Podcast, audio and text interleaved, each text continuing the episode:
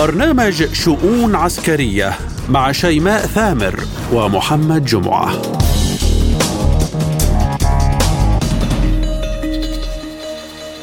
ملفات عسكرية وشؤون جديدة من وكالة سبوتنيك الإخبارية بموسكو نتناوب على تقديمها أنا شيماء ثامر. وأنا محمد جمعة والبداية بالعناوين. تدريبات روسية صينية مشتركة تثير قلق واشنطن وموسكو تؤكد أنها رد فعل طبيعي للحشود الغربية. بثالث أكبر اتفاق عسكري اليابان تتخلى عن سياستها السلمية وتتجه نحو العسكرة الجامحة وخطة دفاعية بقيمة 300 120 مليون دولار.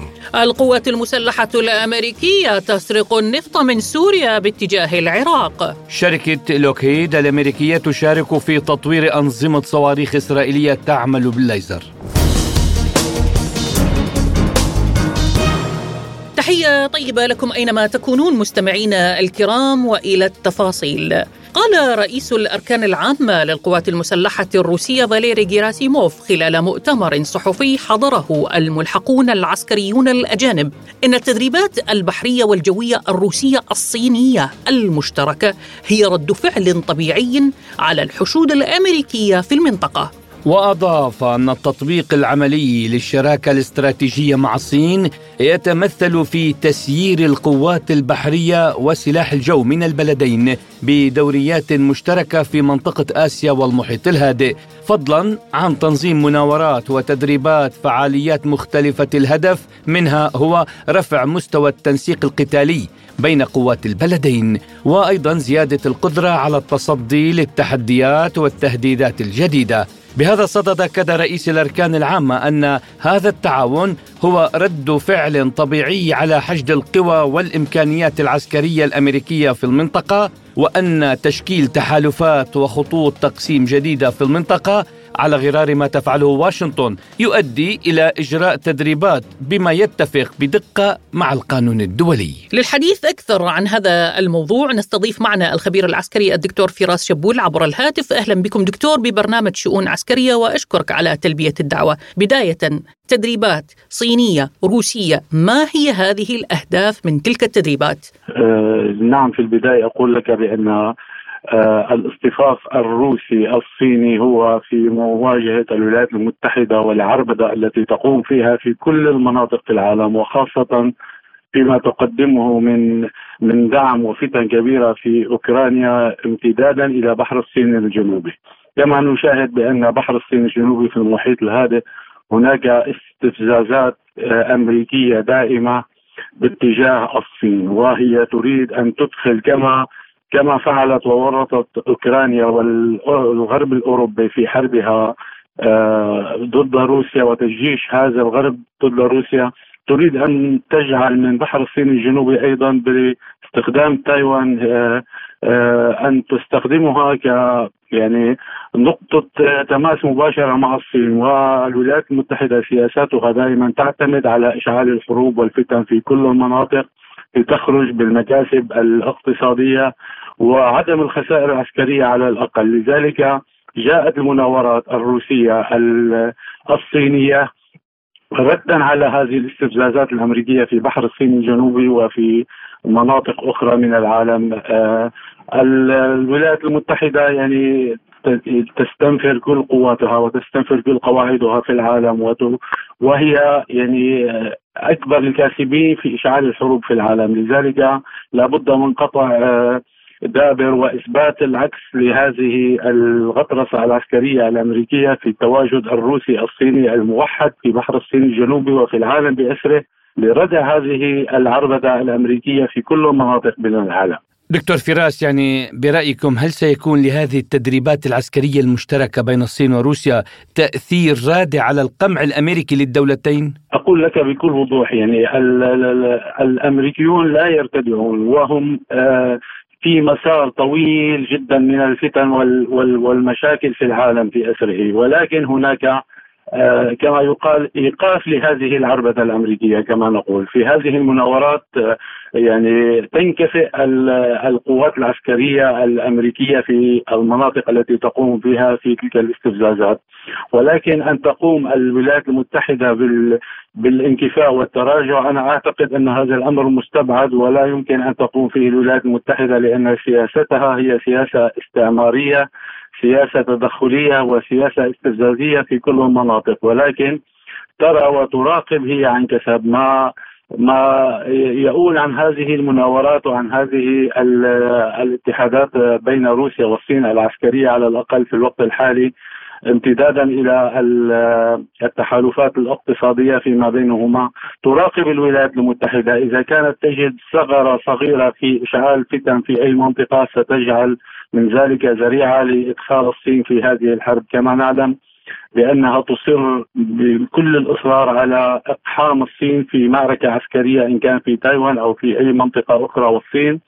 آه نجد في سياستها بأنها لا تريد هذا الأمر، هي تريد أن تكمل هذا النمو الاقتصادي بمساعدة روسيا عسكريا وتريد ان ان يعني ان أن توقف الاقتصاد الأمريكي عند حده. هذا الاقتصاد الذي يلعب في كل السياسات في العالم، لذلك نجد بأن الولايات المتحدة آه، قطعا لن تقف عند هذا الحد على الإطلاق وستحاول بكل الطرق أن تشعل الفتن في كل المناطق وخصوصا الان تركز في بحر الصين الجنوبي وتركز في إشعال فتنة آه، عسكرية على الأقل في آه، بين تايوان والصين والصين هي مستيقظة إلى هذا الموضوع إلى حد كبير. طيب دكتور فراس في هذه المناورات إذا نلاحظ يعني الصين ترسل للمرة الأولى قوات من ثلاث فروع لجيشها للمشاركة في مناورة روسية واحدة برأيك هل هذا استعراض لاتساع وعمق الثقة المتبادلة بين الطرفين والحديث هنا عن الصين وروسيا أم فعلا محاكاة لحرب حقيقية قادمة؟ في هذا الجانب أنا أعتقد وأجزم في الوقت الحالي لا يوجد مواجهة عسكرية بين الصين والولايات المتحدة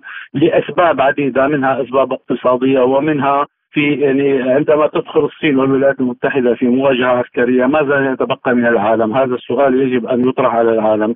إذا اختارت الصين والولايات المتحدة الدخول في صدام عسكري فهذا يعني بأن هناك انتفاع على الأقل اقتصادي لكل اقتصادات العالم، لأن من يدعم اقتصادات العالم ومن يتدخل فيها في الدرجة الأولى الولايات المتحدة والصين من جانب، يعني كل من طرفه.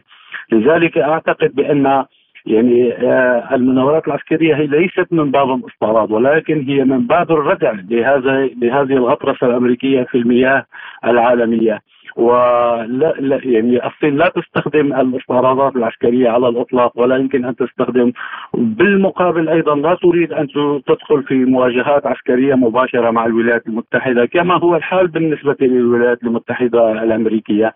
لذلك المناورات العسكرية هي هي استعراض يمكن أن نسميه استعراض ردعي للغطرسة الأمريكية وليس استعراض العسكري. لأنه لا يمكن بدول عظمى أو دول كبرى أن تقوم باستعراض عسكري وكل العالم يعرف قدرات هذه الدول. يعني لا حاجة لهذا الاستعراض العسكري بل هو نوع من أنواع الردع للغطرسة الأمريكية.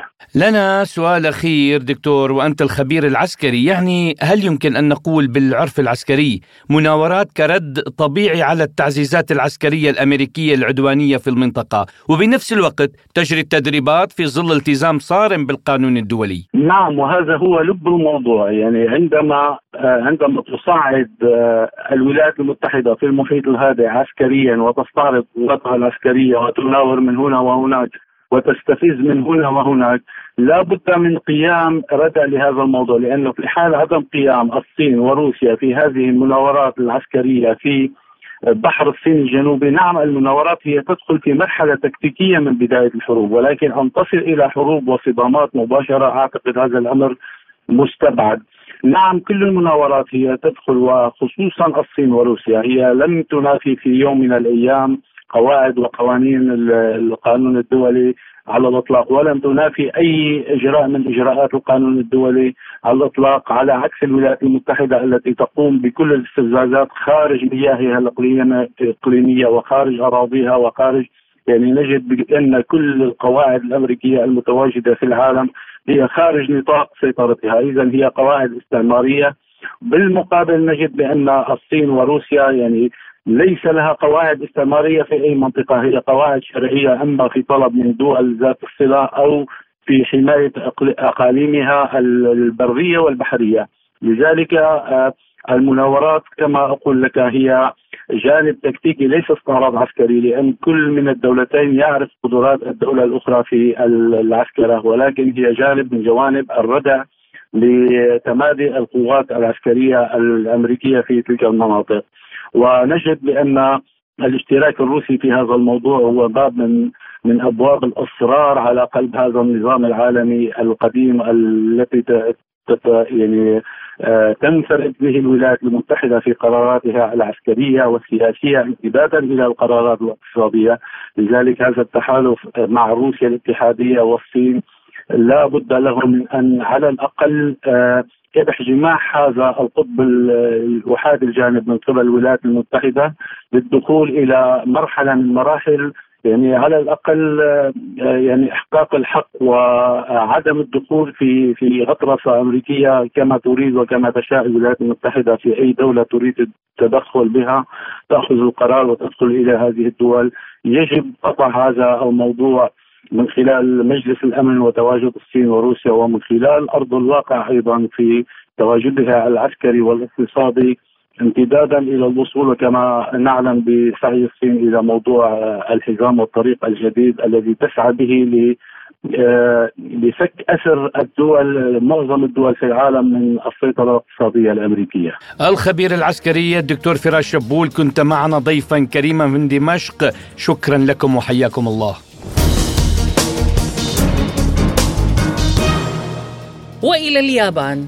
تخلت طوكيو في نهجها الجديد عن سياسة السلام واتجهت نحو سياسة التسليح والعسكرة الجامحة حيث أعلنت عن رصدها 320 مليون دولار لتعزيز وتطوير القدرات العسكرية حسب ما أعلن ذلك رئيس الوزراء الياباني. كان البيت الأبيض قد رحب بالخطة اليابانية الجديدة معتبرا أن السياسة الدفاعية الجديدة ستسمح بتعزيز وتحديث التحالف العسكري بين طوكيو وواشنطن. في غضون ذلك ينبه متابعون إلى أن فتح باب اعتماد الميزانيات العسكرية الضخمة حول العالم سيسهم في تأجيج ملفات وقضايا خلافية كامنة لكنها قابلة للاشتعال في أي لحظة. كما هو حال أرخبيل جزر الكوريل المتنازع عليه بين اليابان وروسيا. التحذيرات تشير إلى أن دخول دول كاليابان وألمانيا لنادي سباقات التسليح سيزيد من مساحات التوتر والتأزم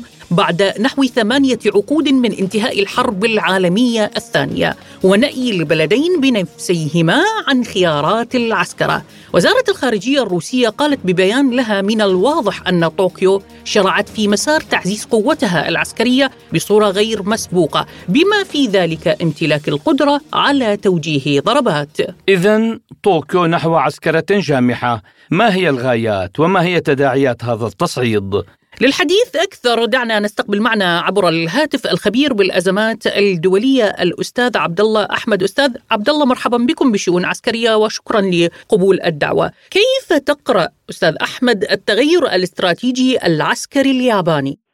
صحيح في الواقع كما ذكرنا في حلقات سابقة العالم يتجه إلى تحول كبير جدا آه، في كل المستويات سواء كانت العسكرية الاجتماعية والمالية بشكل عام. النظام النقدي العالمي سوف يتغير. وهناك مشاريع هدامة كبيرة في هذا العالم. بنقل العالم إلى ما يسمى آه، الإنسان ما بعد الإنسانية. وبالتالي الربط مع الآلة تقليل عدد سكان البشر إلى ما هنالك. وفي المرحلة الانتقالية من المتوقع أن تحدث اضطرابات في مختلف دول العالم. آه، وبالتالي كان لابد من آه، دفع اليابان نحن نعرف جيدا أن اليابان آه، هي تحت ما يسمى الوصايه الأمريكية كما نعرف. لأن هناك قواعد كبيرة جدا وهناك اتفاقيات موقعة منذ الحرب العالمية الثانية. وبالتالي آه، البدء بهذا المشروع هو بالتأكيد بموافقه الولايات المتحدة الأمريكية. وبالتالي أعتقد أن هذا مؤشر على ما سيحدث في آه، تلك المنطقة في منطقة اسيا نحن نعرف ان اليابان على تخوم كوريا الشمالية الصين آه كذلك هناك بعض الخلافات الحدودية مع روسيا حول الجزر. بالتالي يبدو أنه تحضير لليابان للدخول في نزاعات مخطط لاشعالها في تلك في منطقة من هذه المناطق. طيب يعني دكتور إلى أي مدى كان للعملية العسكرية الروسية الخاصة في أوكرانيا تاثيرا على تغيير الاستراتيجيات العسكرية اليوم؟ صحيح أعتقد أن أن هذه العملية العسكرية الروسية كان هدفها كما ذكرنا كذلك سابقا إضعاف روسيا وبالتالي إحداث توتر في تلك المنطقة وإشغال روسيا تبين مع الوقت أن الروس يعني تعاملوا مع هذه القضية بحكمة. لم يتم اجتياح أوكرانيا كما كان يرغب الغرب في ذلك واحداث ضحايا وتدمير المدن إلى ما هنالك.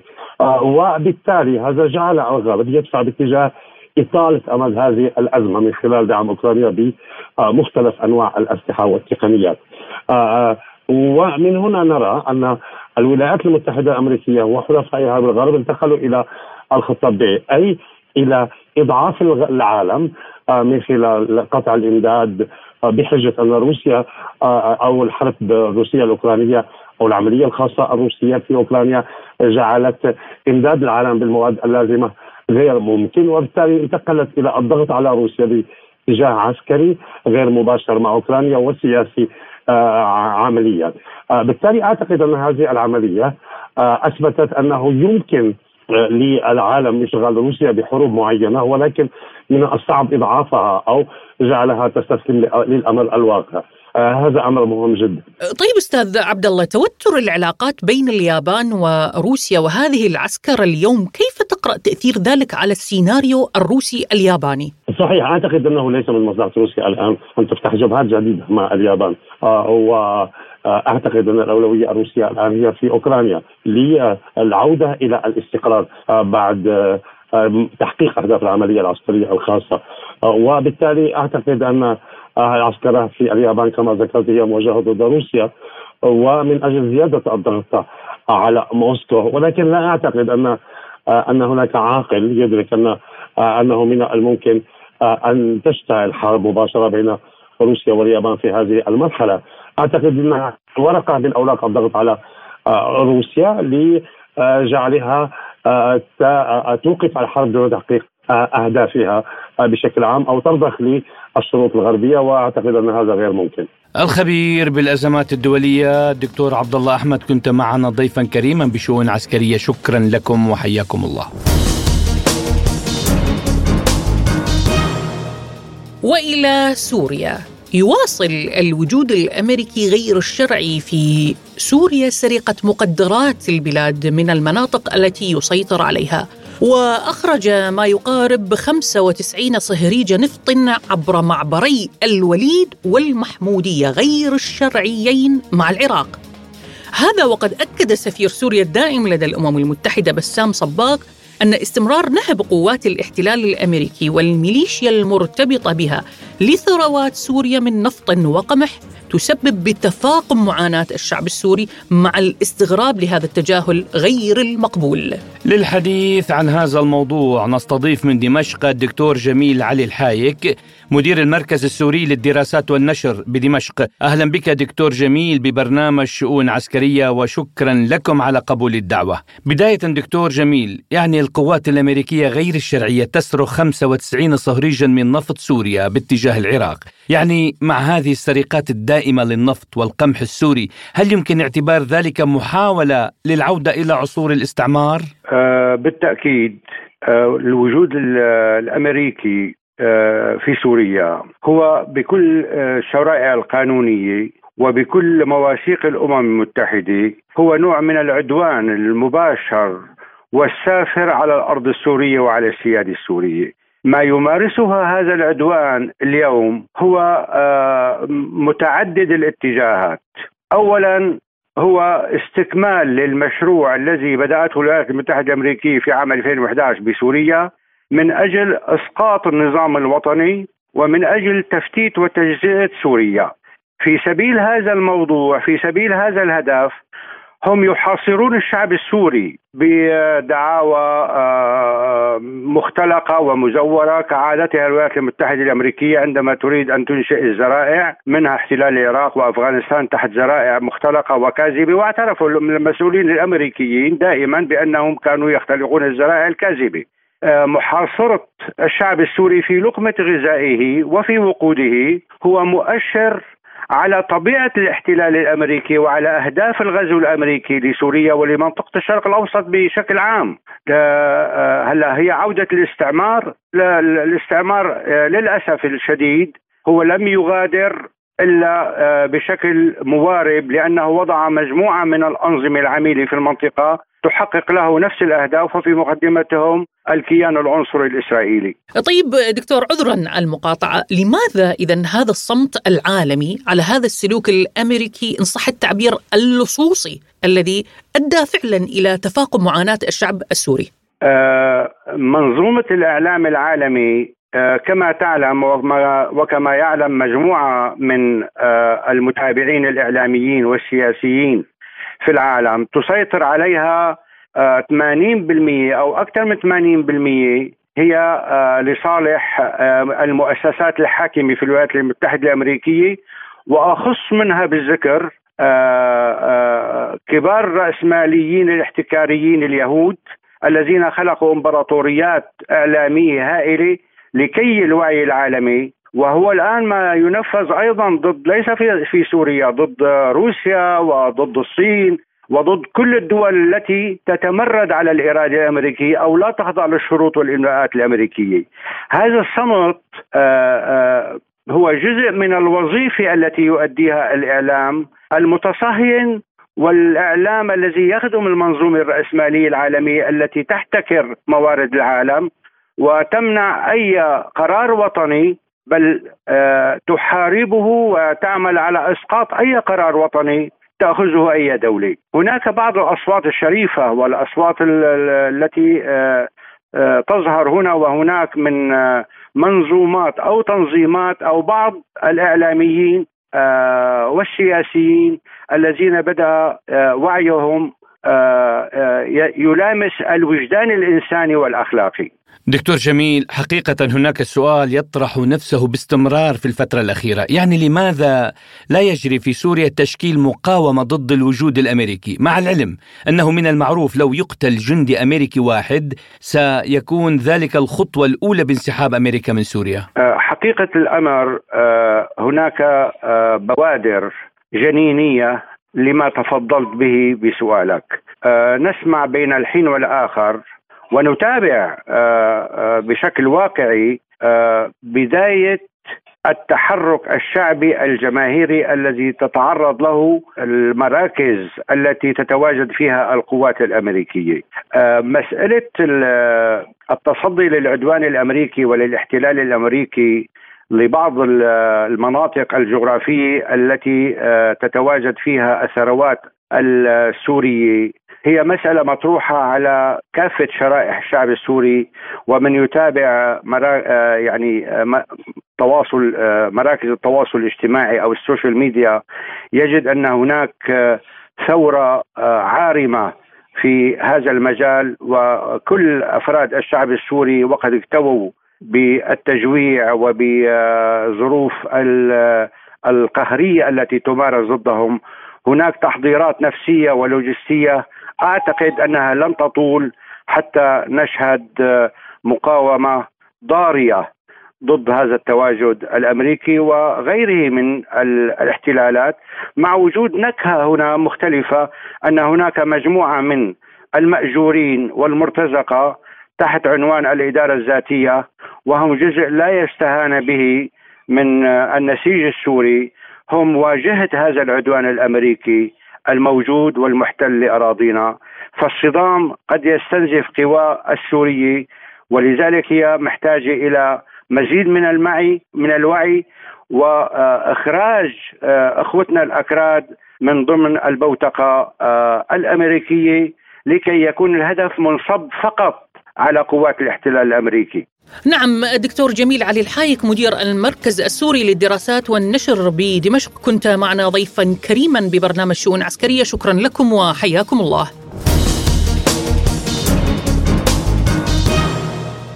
وإلى الهند التي وافقت على مشتريات أسلحة تزيد قيمتها عن عشرة مليارات دولار.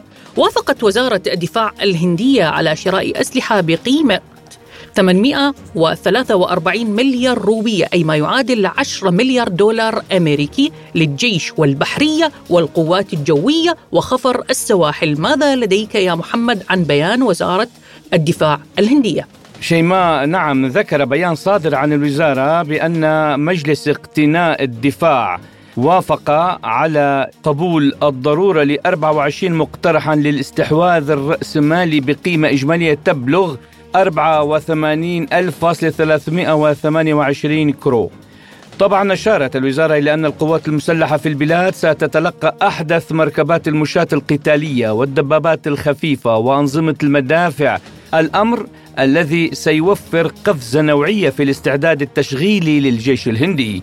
وإلى جانب ذلك ستحصل الهند على الخوذ البالستية ذات مستوى الحماية المعزز. وستتلقى البحرية الهندية صواريخ مضادة للسفن وسفن متعددة الأغراض وعربات نقل مستقلة في حين سيتم تجهيز سلاح الجو الهندي بصواريخ بعيدة المدى موجهة ومجموعة تعزيز المدى للقنابل التقليدية وأنظمة المراقبة المتقدمة وأضافت الوزارة أن شراء سفن الدوريات البحرية من الجيل التالي سيسمح لخفر السواحل بتحسين قدراته في المراقبة.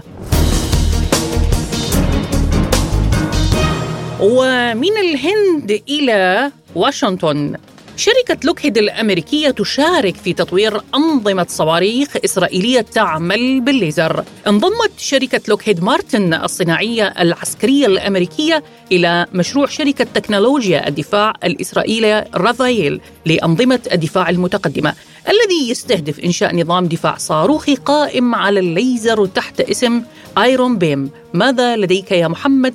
حول هذا الموضوع. نعم شيماء ذكرت صحيفة هآرتس الإسرائيلية أنه من المتوقع نشر نموذج ليزر تشغيلي كتجربة على حدود قطاع غزة في غضون عامين إلى ثلاثة أعوام. ووفقا للاتفاقية مع شركة لوكهيد مارتن سيتم إنشاء أنظمة مشابهة لنظام Iron Beam في وقت لاحق لسوق الولايات المتحدة وعدد من البلدان الأخرى بحسب الصحيفة ماذا عن أنظمة الدفاع يوآف هار إيفن يا محمد؟ قال الرئيس التنفيذي لشركة رافائيل لأنظمة الدفاع المتطورة آه، يوآف هار إيفن إن اتفاقية التعاون الاستراتيجي مع شركة لوكهيد مارتن تعد قوة مضاعفة للشركة الإسرائيلية واقتصاد البلاد. طبعا سبق في مارس آذار أن أعلنت وزارة الدفاع الإسرائيلية أن الدولة ستخصص مئات الملايين من الشواكل لتطوير وإنتاج نظام دفاع جوي بالليزر لاعتراض الصواريخ وقذائف الهاون والطائرات دون طيار الذي يتميز بالسعر المنخفض والذخيرة غير المحدودة تقريبا. إلى هنا نصل وإياكم لختام حلقة برنامج شؤون عسكرية لهذا اليوم. رافقناكم بها من وراء الميكروفون بالتأكيد زميلي محمد جمعة. وزميلتي العزيزة شيماء ثامر. طبعا شكرنا موصول لضيوفنا الكرام بهذه الحلقة الخبير العسكري الدكتور فراس شبول. والخبير السوري جميل علي الحايك. والخبير بالأزمات الدولية عبد الله أحمد. مستمعينا الكرام للمزيد يمكنكم زيارة موقعنا الإلكتروني. أي إيه. دمتم بأمان الله وحفظه.